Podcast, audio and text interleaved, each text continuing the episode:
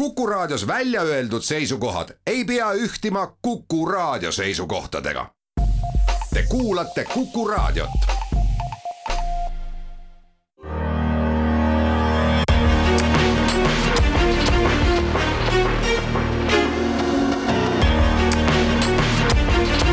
välismääraja tere ja ilusat pühapäeva hommikut Kuku raadio Välismääraja saate kuulajatele. Äh, tänases äh, otsesaates räägime aktuaalsetel rahvusvahelistel teemadel, ennekõike keskenduks äh, meie Läänemere naabrite Soome, Rootsi NATO-ga liitumisele. kindlasti tuleb juttu transatlantilisest julgeolekust laiemalt, arengutest Ukrainast, Venemaa seisukohtadest erinevates küsimustes ja on hea meel siin Kuku raadio Tallinna stuudios täna tervitada äh, kahte väga lugupeetud rahvusvaheliste teemadega tege-, tegelejat, meil on stuudios otsesaates siis Sven Sakkov, kes on Eesti Vabariigi suursaadik Soomes, tere Sven! tere hommikust! ning Kristjan Prikk, Eesti Vabariigi suursaadik USA-s. tere hommikust! mina, saatejuht Hannes Hanso äh,. Sissejuhatuseks, et äh, no kahtlemata see kahe tuhande kahekümne teine aasta jääb meile kõigile ilmselt väga kauaks meelde kui aasta, mil julgeolekuolukord maailmas väga järsult äh, halvenes, just seda siis äh, Venemaa Ukraina vastase agressiooni äh, tulemusena, aga nagu sellistel puhkudel ikka, siis toimub ka noh, kohandumine ja reageerimine sündmustele, et see muutunud olukord on käivitanud terve rea protsesse, mis veel võib-olla hiljuti tundusid ebatõenäolised või isegi mõeldamatud. Sven, ma kõigepealt küsiksin sinu käest, et selles eelnim-, eelnimetatud kontekstis, et äh, Äh, meie äh, Põhjala naabrid äh, on siin viimaste kuude ja nädalate jooksul andnud üha selgemaid vihjeid või tegelikult ka nüüd juba avalikult teinud otsuseid, et ehk siis Soomest, Rootsist räägin, et neil on tekkinud konsensus NATO-ga liitumiseks, et kas need otsused või see protsess on tulnud näiteks sulle noh, koha peal Soomes Äh, olevana nagu kuidagi üllatusena või oli see mingisuguste sündmuste loogiline äh, jätk? Äh, vastan, et mõlemat, oli üllatus ja oli loogiline jätk. üllatus selles mõttes, et et tegelikult tõesti Soome teeb praegu nii-öelda, nagu me räägime samal ajal, selliseid suuri ajaloolisi otsuseid, mida nad ei ole teinud umbes kolmkümmend aastat. Viimati siis, kui otsustati äh, Euroopa Liiduga liituda, oli nagu nii-öelda suur veelahe. Ehm, aga oodatud selles mõttes, et et asi ei alanud või noh, see protsess ei alanud tegelikult äh, veebruari lõpus või kahekümne neljandal veebruaril, kuigi see oli nii-öelda kõige tugevam tõuge, algas pigem sellest, et kui detsembri alul eelmine aasta äh, Lavrov ja Putin ja Peskov ja Zahharov ja kogu see ülejäänud äh, Vene ladvik hakkas nõudma NATO laienemise, idasuunalise laienemise lõpetamist. Äh, ja see, selle peale Soome pidi reageerima, ta pidi reageerima sellepärast, et nemad nä-, nägid seda nõuet enda suveräänsuse ja enda otsustusõiguse ja otsustusvabaduse kitsendamisega kitsendamisena. ehk siis nad olid sunnitud väljendama tegelikult, et meil on see õigus olemas? jah, ja, ja, ja, ja seda väljendas siis äh, president Niinistö seal kuskil juba detsembris äh, veel tugevamalt äh, oma uusaasta kõnes. ja, ja, ja kuna samal ajal äh, Venemaa ähvardus Ukraina vastu oli niivõrd noh, nii-öelda tugevalt püsti pandud äh,, siis hakkasid äh, tasapisi ka mitmed Soome poliitikud, kes olid seni eh, nii-öelda selget seisukohta mitte võtnud, hakanud ennast siis deklareerima NATO toetajateks, need esimesed olid seal näiteks äh, mõned roheliste Europarlamendi liikmed äh, ja nende pall hakkas tasapisi veerema, aga noh, siis see suur tõuge tuli ikkagi kahekümne neljandal veebruaril Kristjan, kui sa äh, vaatad nii-öelda teist poolt Atlandit äh, siia Euroopa ja nende arengute suunas, siis millist rolli on selles NATO peatselt algavas siis laienemises mänginud Ameerika Ühendriigid või kuivõrd selge on sealtpoolt see nagu toetus selle, sellele protsessile, mida me praegu nüüd näeme? Ja ühest küljest võib öelda, et, et ameeriklased on nüüd selle vahetult viimase paari kuu jooksul hoidnud sellist väga ettevaatlikku joont, võib öelda, nad on minu teada ka saanud soomlastelt vähemalt sellise palvegi, et, et mitte rutata asjadest ette, mitte tekitada mingisugust tunnet, et, et soomlastel nagu endal ei olegi seda otsustamisruumi või, või et keegi survestab neid seda otsust, otsust tegema. ja ma usun, et väga õigesti on nad vältinud sellise isegi mulje tekitamist, et mingisugune äh, surve või ootus selles mõttes Soomele või ka Rootsile oleks peale pandud Äh, teisest küljest äh, on, äh, on USA juba aastate jooksul arendanud ka kahepoolselt mõlema riigiga väga tihedat kaitsealast koostööd ja kindlasti kas või USA sellises mõttekodade maailmas ja akadeemilises maailmas on olnud idee sellest, et Soome ja Rootsi liitumine NATO-ga võiks olla midagi, mis oleks ühtaegu nendele riikidele kasulik ja ja aitaks laiemalt Euroopa julgeolekut tugevdada, on olnud aastaid selline väga, väga populaarne idee, millega on mängitud, nii et äh, ei ole kindlasti üllatav see, et, et üldiselt selline äh, suhtumine sellesse äh, Soome-Rootsi praegusesse protsessi on kahtlemata äh, eeskätt soosiv, seal on ka väikesed, väikesed erandid, millest võib-olla võib, võib era-, eraldi pärastpoole rääkida, aga, aga üldiselt soosiv väga Äh, Sven? jah, üks selline lisatõuge võib-olla äh, Soome mõttemaailma äh, noh, nii-öelda siis mõjutamiseks oli tegelikult see, kui USA president Joe Biden ütles, et me kaitseme igat tolli NATO territooriumi, kui sõda juba käis. ja muidugi soomlased lugesid seda täpselt ühtemoodi, nemad ei ole NATO territoorium,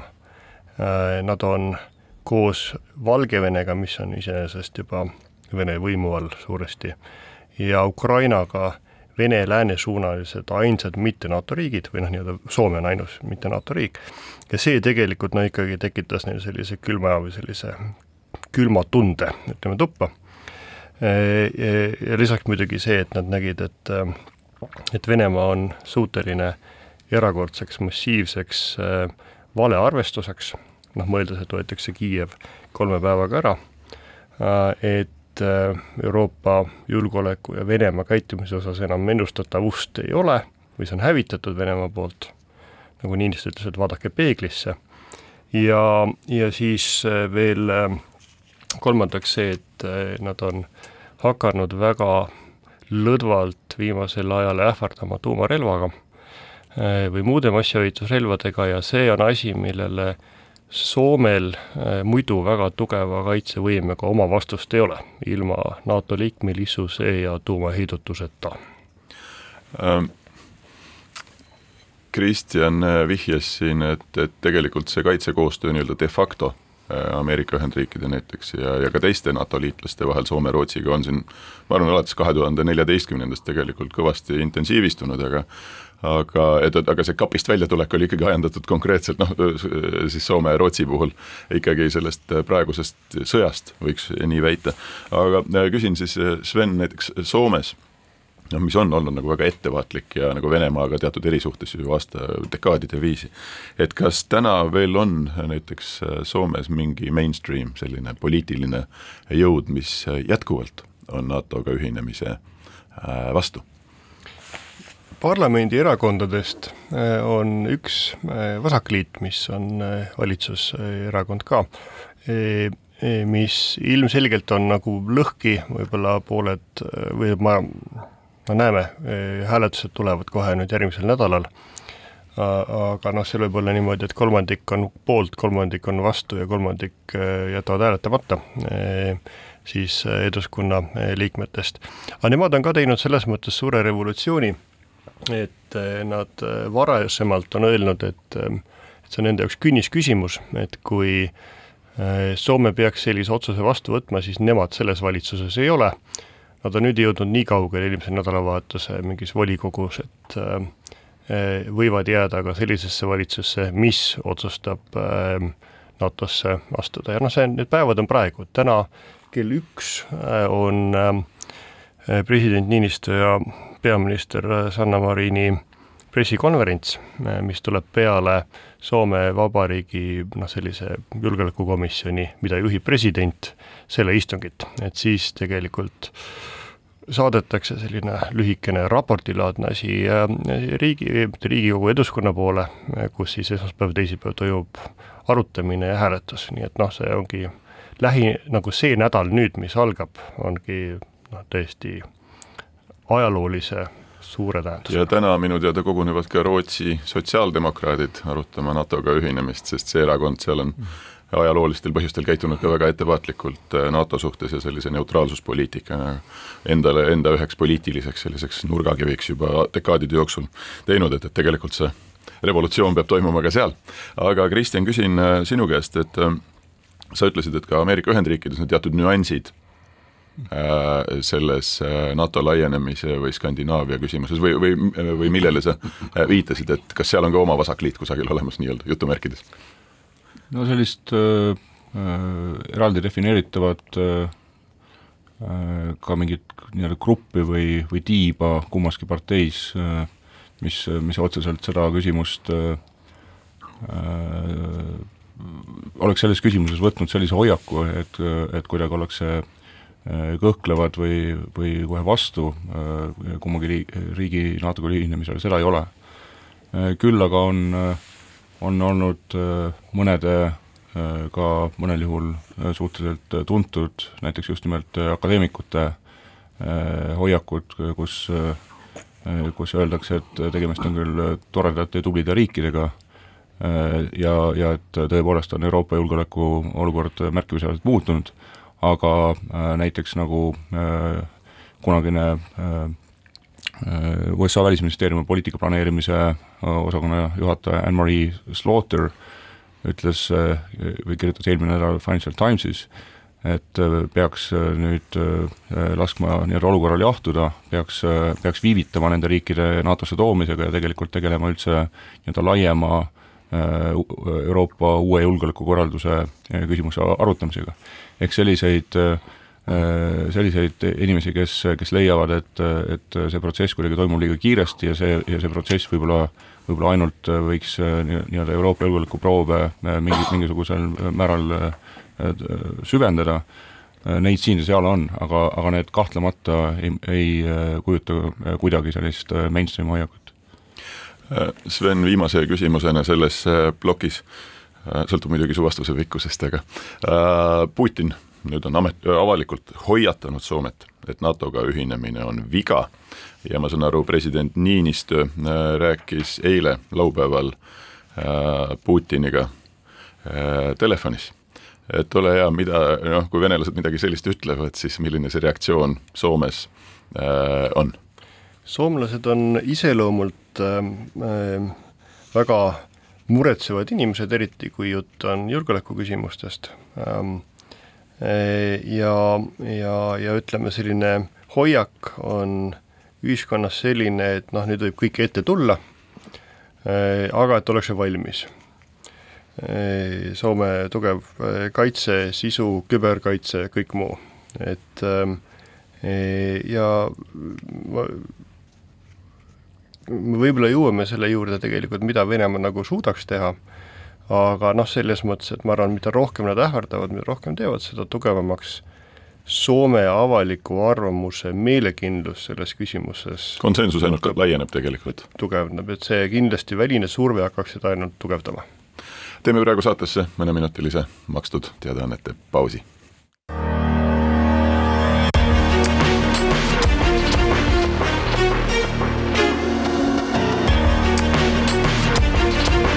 välismääraja. tere tulemast tagasi Välismääraja saatesse, räägime julgeolekuga seonduvatel teemadel, ajendatuna ennekõike siis äh, Soome-Rootsi äh, teadetest, et, et ka need riigid meie siin lähinaabruses soovivad NATO-ga äh, liituda ja neid teemasid siin Kuku raadio otsesaates täna on kommenteerimas Sven Sakov ja Kristjan Prikk, vastavalt siis suursaadikud Soomes ja Ameerika Ühendriikides ja mina Hannes Hanso saatejuhina. Ähm, Sven, kõigepealt suunaks küsimuse sulle, et, et nüüd, kui see protsess on ametlikult käivitunud, Soome, Rootsi liitumine NATO-ga, et ähm, ja mõlemal või ausalt, meil kõigil siin laua taga on päris selline paks kultuurkiht julgeoleku tausta, et äh, millised need mõjud meie regiooni julgeoleku keskkonnale äh, saavad olema, kui see protsess ühel päeval lõpeb ja Soome-Rootsi on täievolilised NATO äh, liikmed, aga ma loodan, mõlemad te kommenteerite, aga Sven, alusta palun sina ma arvan, Kristjan kui endine äh, Kaitseministeeriumi kantsler räägib sellest kindlasti täpsemalt ja paremini, aga, aga mina näen no, kolme asja. No. ma näen, ma näen kolme, sina oled ka töötanud Kaitseministeeriumis, ma näen kolme suurt mõju. esimene on see, et eriti Rootsi liitumise puhul meil tekib strateegiline sügavus, mida meil seni ei ole olnud, me oleme nii-öelda kitsas maariba olnud, ma räägin Balti riikide kaitsest praegu teiseks ähm, meie selle sügavusega seonduvalt äh, paranevad äh, kriisi- ja sõjaolukorras äh,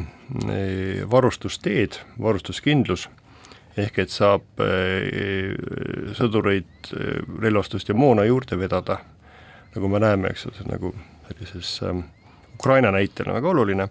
ja kolmas on põhimõtteliselt lihtsalt see, et meie nii-öelda noh, nagu mereline julgeolek Äh, paraneb oluliselt, sellepärast et ikkagi äh, Läänemeri muutub äh, siis NATO sisemereks sisuliselt, mille sees on väike tüpsukene seda Kaliningradi.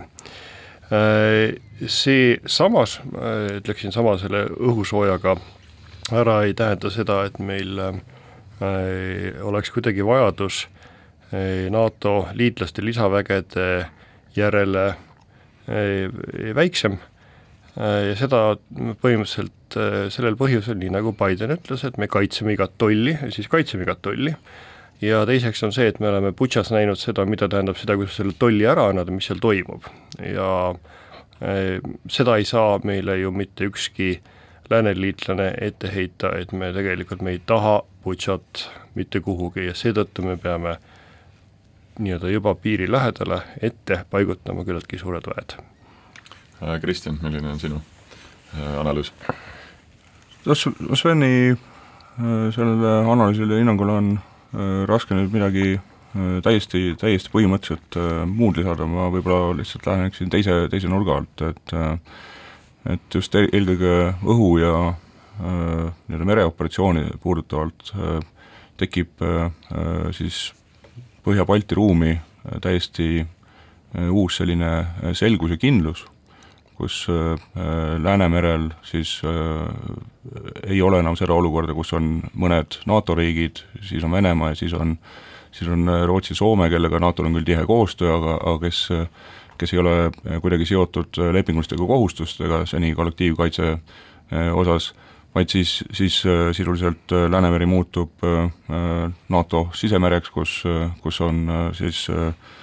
küll ka mere, Venemaal oma Äh, oma mereväebaasid siis nii Kroonlinnas kui, äh, kui Kaliningradis, äh, siis mis logistikat puudutab, tõepoolest nii õhku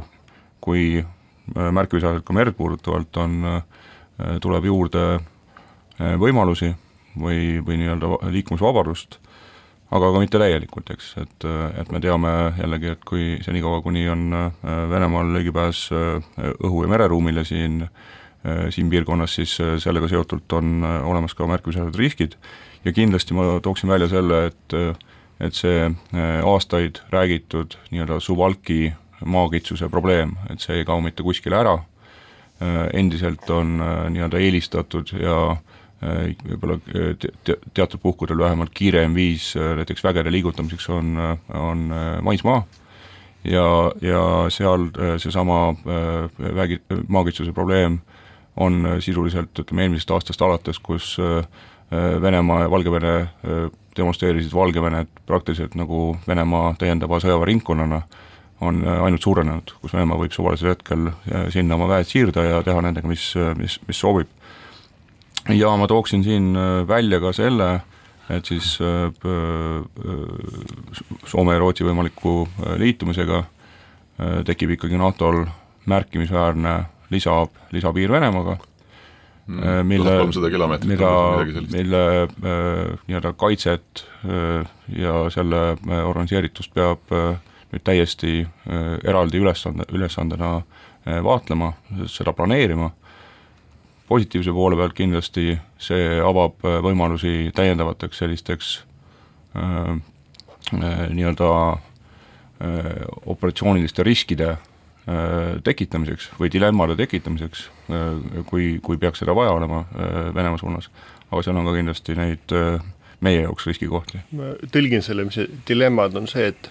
ma arvan, et Venemaa poolt vaadatuna nad on peale Kaliningradi äh, hoidmise peaksid nad mures olema ka Murmanski hoidmise pärast, ehk põh-, kaugpõhjas muutub ikkagi olukord teistsuguseks. ja ka Peterburi. ja, ja Soomel on sõjaaegne struktuur on kakssada kaheksakümmend tuhat,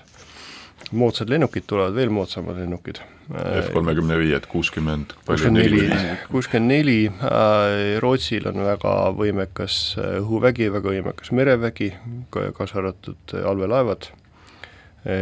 soomlastel, rootslastel, eriti soomlastel minu teada on väga hea seire- ja luuresuutlikkus olemas. aga tõesti, tuhat kolmsada nelikümmend kilomeetrit, lisakilomeetrit piiri Venemaaga tähendab seda, et see tegelikult NATO piir Venemaaga kahekordistub. praegu on natukene vähem kui tuhat kolmsada kilomeetrit piiri ähm noh, ilmselgelt Venemaa peab samuti siis nüüd ümber kalkuleerima oma varasemad Äh, arvestused, et äh, ühte poliitilist sellist avaldust Putini suust me juba kuulsime, et noh, Soome ühinemine on viga, noh, midagi üllatavat selles ausalt öelda äh, ei ole, aga milline täna üldse on äh, Venemaa võimekus siis piiridel nüüd need selle, sellel uuel väga pikal piiril kuidagi ka või, või, või kuidas nad peaksid või soovivad reageerida, kas meil on esimesi vihjeid? äh, selge on see, et, et äh, juba täna me näeme, et, et äh, Vene äh, armee on nagu Ukrainaga nagu sada protsenti seotud ja vaba ressurssi ilmselt kusagilt juurde tulemas ei ole, et kas peale retoorika nad hakkavad nüüd ka astuma mingeid reaalseid mm. äh, samme, et siis oma sõjalist kohalolekut näiteks kogu seal Karjalas või seal ütleme siis Piitrist põhja pool nii-öelda mm. drastiliselt tõstma hakata meil on praegu, kui me nagu vaatame praegust ajahetke, eh, siis eh, Soome piiril ei ole enam eriti midagi järgi jäänud, eh, kuna kõik on Ukrainas otsa saanud. Peltsamaa kahesajas brigaad on otsa saanud, ma siin räägin puhtalt ajalehe allikate põhjal, kuuekümne esimene merejalaväe brigaad on otsa saanud, saja kolmekümne kaheksas brigaad on otsa saanud, kahekümne viies brigaad, üks on Kamenkas, teine on Lugas otsa saanud Baltiiskis asuv kolmesaja kolmekümne kuues merejalabrigaad on otsa saanud Ukrainas. Ja, ja samuti siis meie kõige lähem klient äh, Pihkvas, seitsmekümne kuues õhuründedessantiviis on väga kõvasti kahjustada saanud. Ja tegelikult seal piiri ääres ongi ainult äh, Vene poole pealt ainult üks brigaad, mis on kaheksakümnes, mis on alakurtis, no see on umbes nii-öelda just valmis saanud ja ta ei ole noh, nii-öelda nagu, nagu korralik ehk et lühikeses perspektiivis neil ei olegi midagi. Äh, pikas perspektiivis ma arvan, see on loogiline ja paratamatu, et nad viivad äh, Soome suunale oluliselt juurde.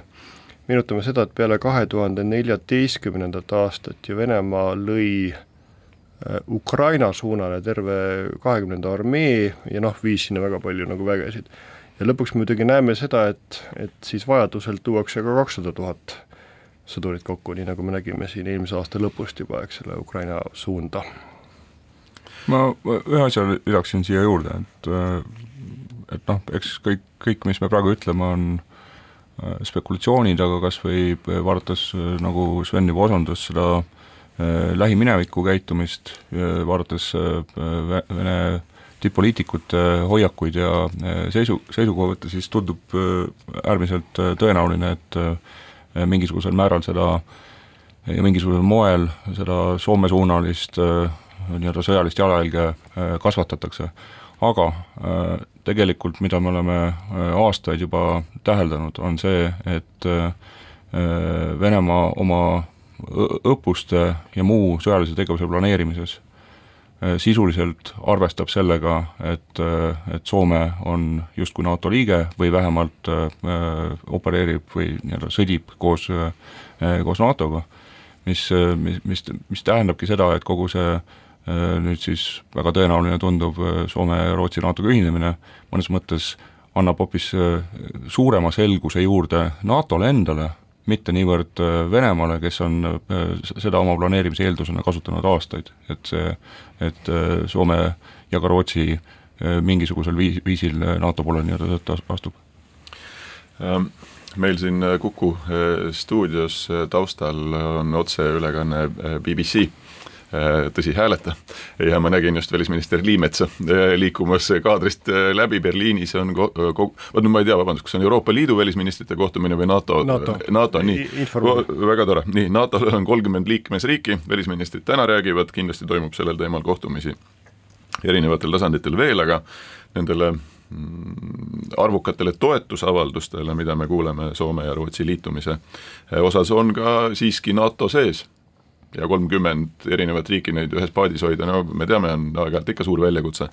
on ka äh, kriitilisi äh, hääli, et, et äh, olge head, et kust need pärinevad ja mis põhjustel ja ennekõike vaataksin praegu Sveni otsa ja ma loodan, Kristjan saab täiendada. no mida me, soomlased on olnud mures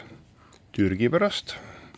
ja ma räägin noh Soome... ja Türgi on ka teinud vastavaid avaldusi suisa Erdogani tasandil, eks? soomlased noh, nii-öelda nüüd äh, selle väga, sõna väga üldises tähenduses, noh nii-öelda ajakirjanduskommentaatorid, äh, mõned poliitikud, kes on seda teemat äh, kommenteerinud, ja nad on Türgiga ka väga tähelepanelikult tegelenud, välisminister on kohtunud, presidendid on helistanud ja kuni nüüd eilse või üleeilseni olid signaalid, olid toetavad ja, ja anti teada, kui oli presidentide telefonikõne võib-olla kolm nädalat tagasi, et võib-olla kuu aega tagasi, et äh, Türgi pool on kõik hästi, et Türgi küll äh, avaldas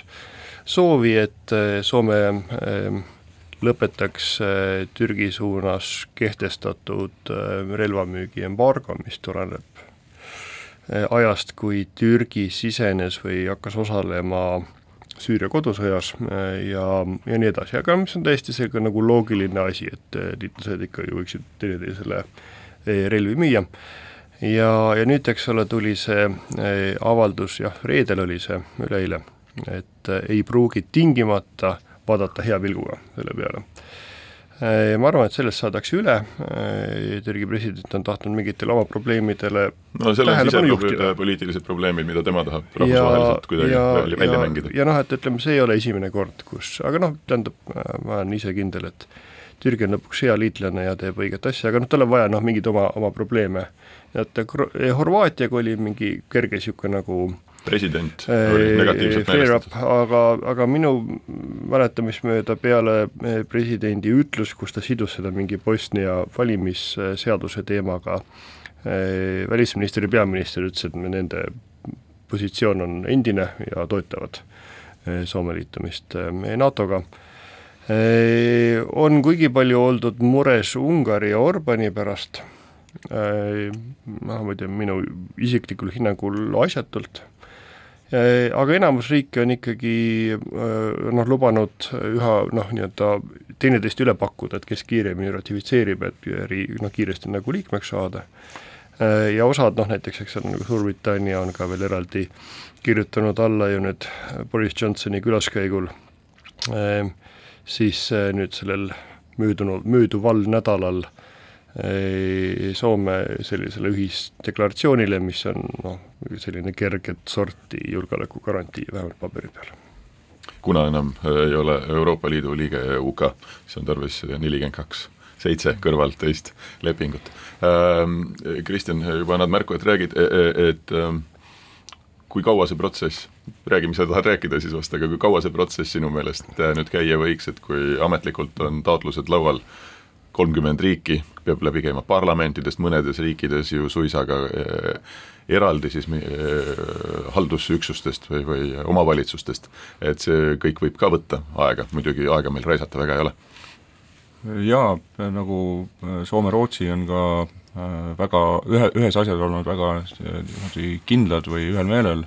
et nende enda ja tegelikult ka kõigi meie huvides on see, et seda nimetatud nii-öelda halli aega, sellest hetkest, kui siis äh, esitatakse võimalik äh, liitumisavaldus kuni selle hetkeni, kui nad on täieõiguslikud liikmed, et see, see periood oleks võimalikult äh, lühikene. Äh, täna, tänase päevaga peaks olema niimoodi, et vist kõige, kõige kiirem või lühem menetlus varasemates liitu, liitumisprotsessides oli, kui ma ei eksi, Hispaania puhul neli kuud Äh, nüüd mina oskan öelda eelkõige USA vaatest, et, äh, et USA-s peab selle äh, liitumise ratifitseerima senat ja senati juhtkond on arvanud, et neile, nad suudavad selle ära teha väga kiiresti, Ameerika poliitika mõistes tõesti väga kiiresti, ehk võimalik, et juuli lõpuks, see oleks kõigile teistele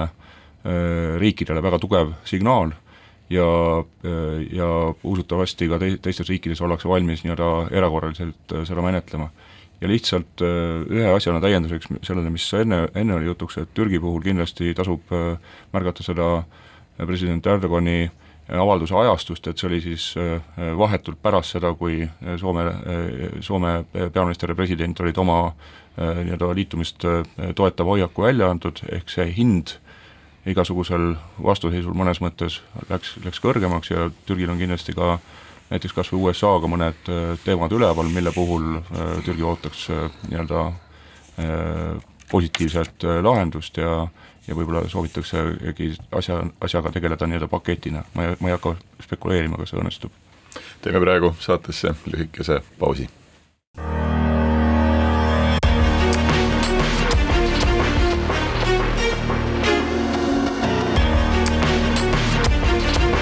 välismääraja.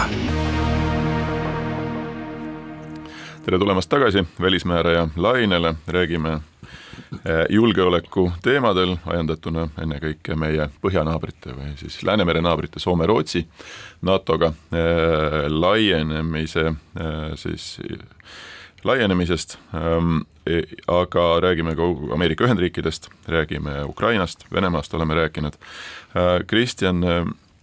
see transatlanti või teiselt poolt Atlandit vaade on, ma arvan, väga oluline, et eh, noh, kindlasti võib öelda, et Ameerika Ühendriigid on nagu täiemahuliselt eh, taastanud oma rolli Euroopa eh, julgeolekus osalejatena. Et aga see on, on ka väga oluline, et, et kui tugev on see sisepoliitiline konsensus ja kui jätkusuutlik see on Ameerika Ühendriikides, et ole hea, et kindlasti riik on väga palju teinud, aga eks kõik väsivad äh, ajas, et, et äh, kuidas sina tunnetad, kui kaua see pühendumus, mida Ameerika Ühendriigid on näidanud, noh, kõige suurema sõjalise jõuna maailmas Ukraina toetamiseks, kui kaua me suudame seda säilitada? ühest küljest äh, võib öelda seda, et tegemist on sellise vähemalt hiljutise ajaloo mõttes kahtlemata täiesti erakordse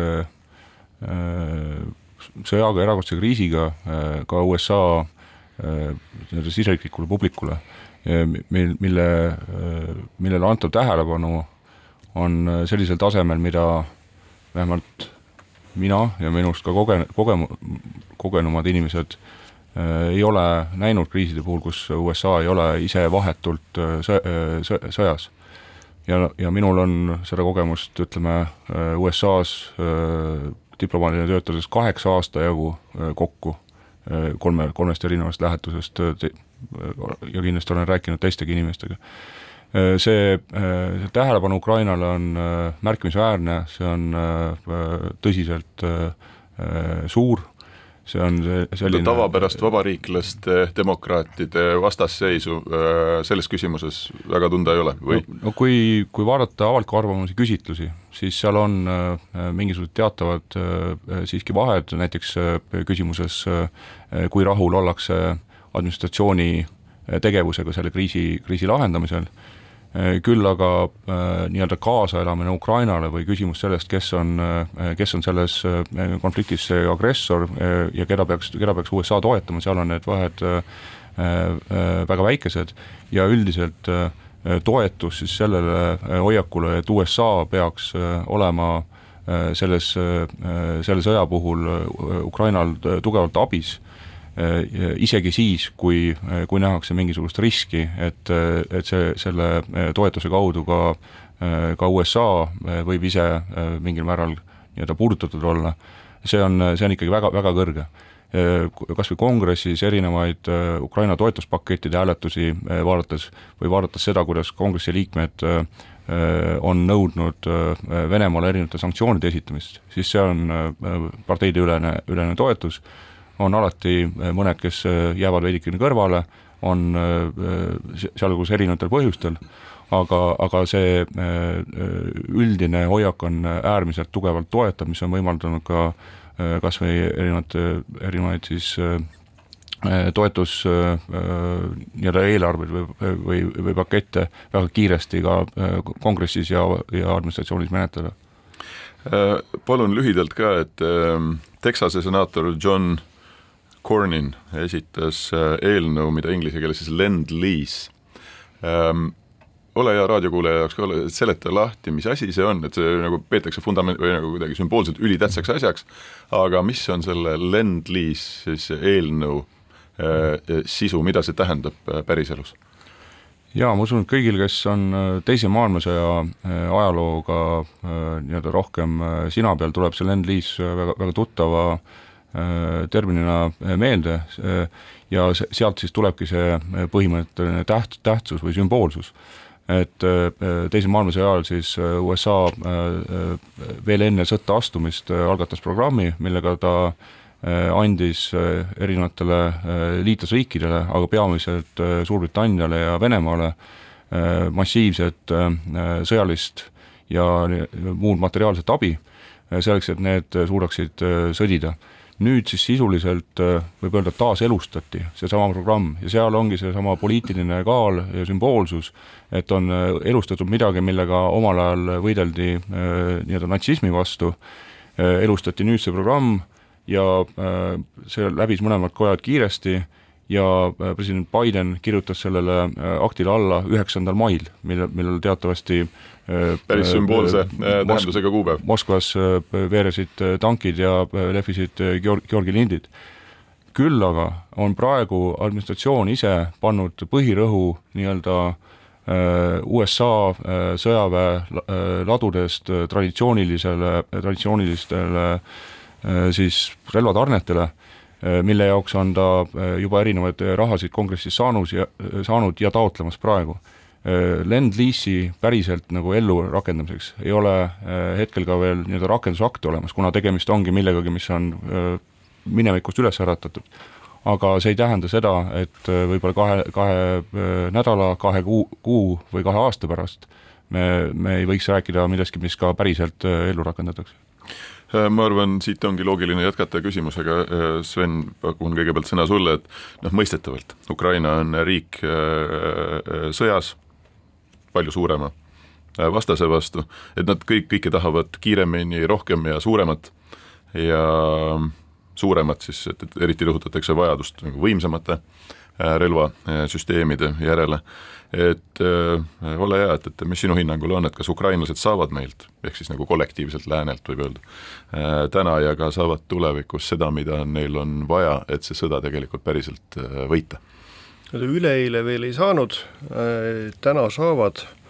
Ja äh, tuleviku äh, osas ma ei tea, kui sügavad taskud või tegelikult laod ka siis nagu läänel on, kui palju noh, ma olen lugenud seda, et ähm, USA-s on on taaskäivitatud näiteks Stingerite tootmine ja noh, neid en-, enam ei ole toodetud juba mingeid aastaid Ameerika enda armee ei ole nagu tellinud. Äh, aga noh, see on noh, me oleme Eesti Kaitseväe arengul ja noh, Kristjan teab seda siin detailselt enamust ei saa rääkida, ju ka tegelenud nüüd aastaid sellega, et, et suurendada moona tagavara selleks, et äh, äh, piisavalt palju päevi äh, suuta sõdida. ja sõda, sõjas nii-öelda kulub seda nagu väga palju. ja eks ole, ma olen aru saanud, et ukrainlastel on seni kõige suurem puudus olnud just väga nii-öelda pika nii-öelda kaugtule järgi, mis on nagu äh, väga nagu hea laskeulatusega Äh, kindlasti nad äh, unistavad sellistest äh, süsteemidest nagu Haimars, aga need ähm, viimased haubitsad, mis nad on saanud, on tegelikult minu arusaamist mööda, ma olen näinud Twitteri andmetel on juba tööl, töös Ameerika haubitsad. Ja noh, me oleme siin nüüd viimaseid lahingud Donetskis näinud, kus Vene väed on proovinud korduvalt üle ühe jõe tulla, kus, kus siis Ukraina eh, suurtüki tuli on selle mm, lõpetanud umbes kaks või kolm korda, et ma ei tea, mis haubid seal on, aga üldiselt nagu avab, kindlasti avaldab väga suurt mõju lääne relvastus ja seda on vaja juurde saata edasi. Ähm, Kristjan, ähm, noh, Ameerika Ühendriigid, me teame, teevad juba täna päris palju ja per capita Eesti on üks tipptegijaid Ukraina ka sõjalisel äh, toetamisel äh, aga kuidas Ameerika Ühendriikidest nähakse, et kas Euroopa teeb äh, Ukraina toetamiseks praegu piisavalt, et on ka olnud tegelikult ju väga suur muudatus mitmete, äh, väga paljude oluliste Euroopa riikide, no ennekõike Saksamaa poliitikas, et kuidas nad sellele sõjale reageerivad, noh, on kritiseeritud neid, et see on kõik toimunud liiga aeglaselt ja mitte selles ulatuses, mida me tahame ja nii edasi, aga kas äh, on tunda ka mingit Ameerika Ühendriikide survet, no nagu näiteks NATO-s on alati Ameerika Ühendriikide surve kaitsekulutuste tõstmise osas Euroopale, täitsa õigustatult. Äh, et kuidas sealtpoolt Atlandi vaadatakse seda, mida Euroopa teeb selleks, et äh, Ukraina saaks ennast äh, agressiooni vastu kaitsta? praegune Ühendriikide administratsioon selgelt eelistab selliseid hetki, kus isegi neil on tahtmine, et mõni mõni liitlane teeks midagi teistmoodi või, või, või kiiremini, äh, hoida, hoida neid nagu avalikkuse eest varjul. Ja, ja püüab mitte sama, nagu eelmine administratsioon, ja püüab, ja püüab olla samal ajal äh, pü-, pü-, püüab samal ajal siis tagada selle, et liigutakse tõesti äh, võimalikult koos liitlastega. teema, kus ki-, kahtlemata vähemalt seni on oldud äh, Äh, isegi üllatunud sellest, kuidas Euroopa liitlased on äh,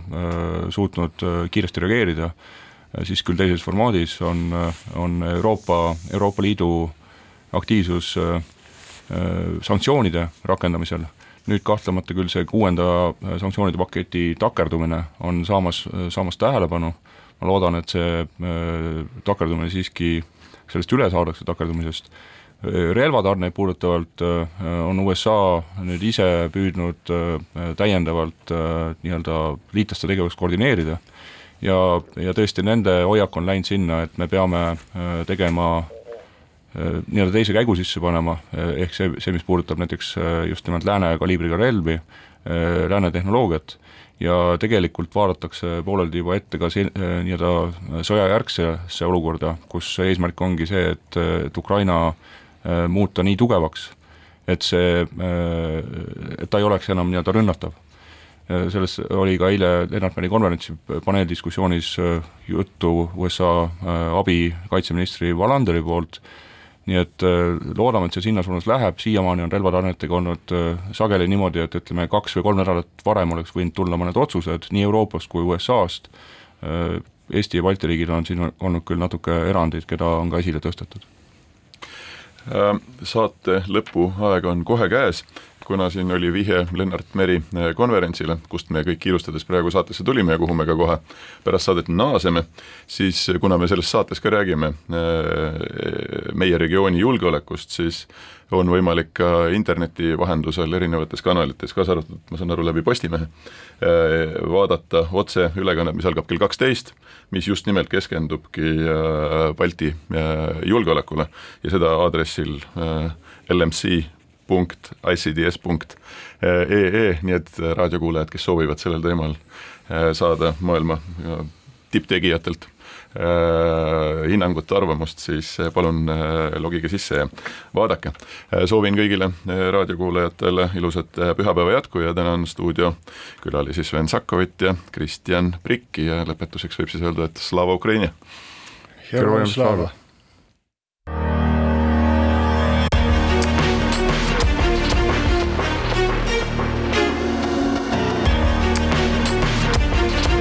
välismääraja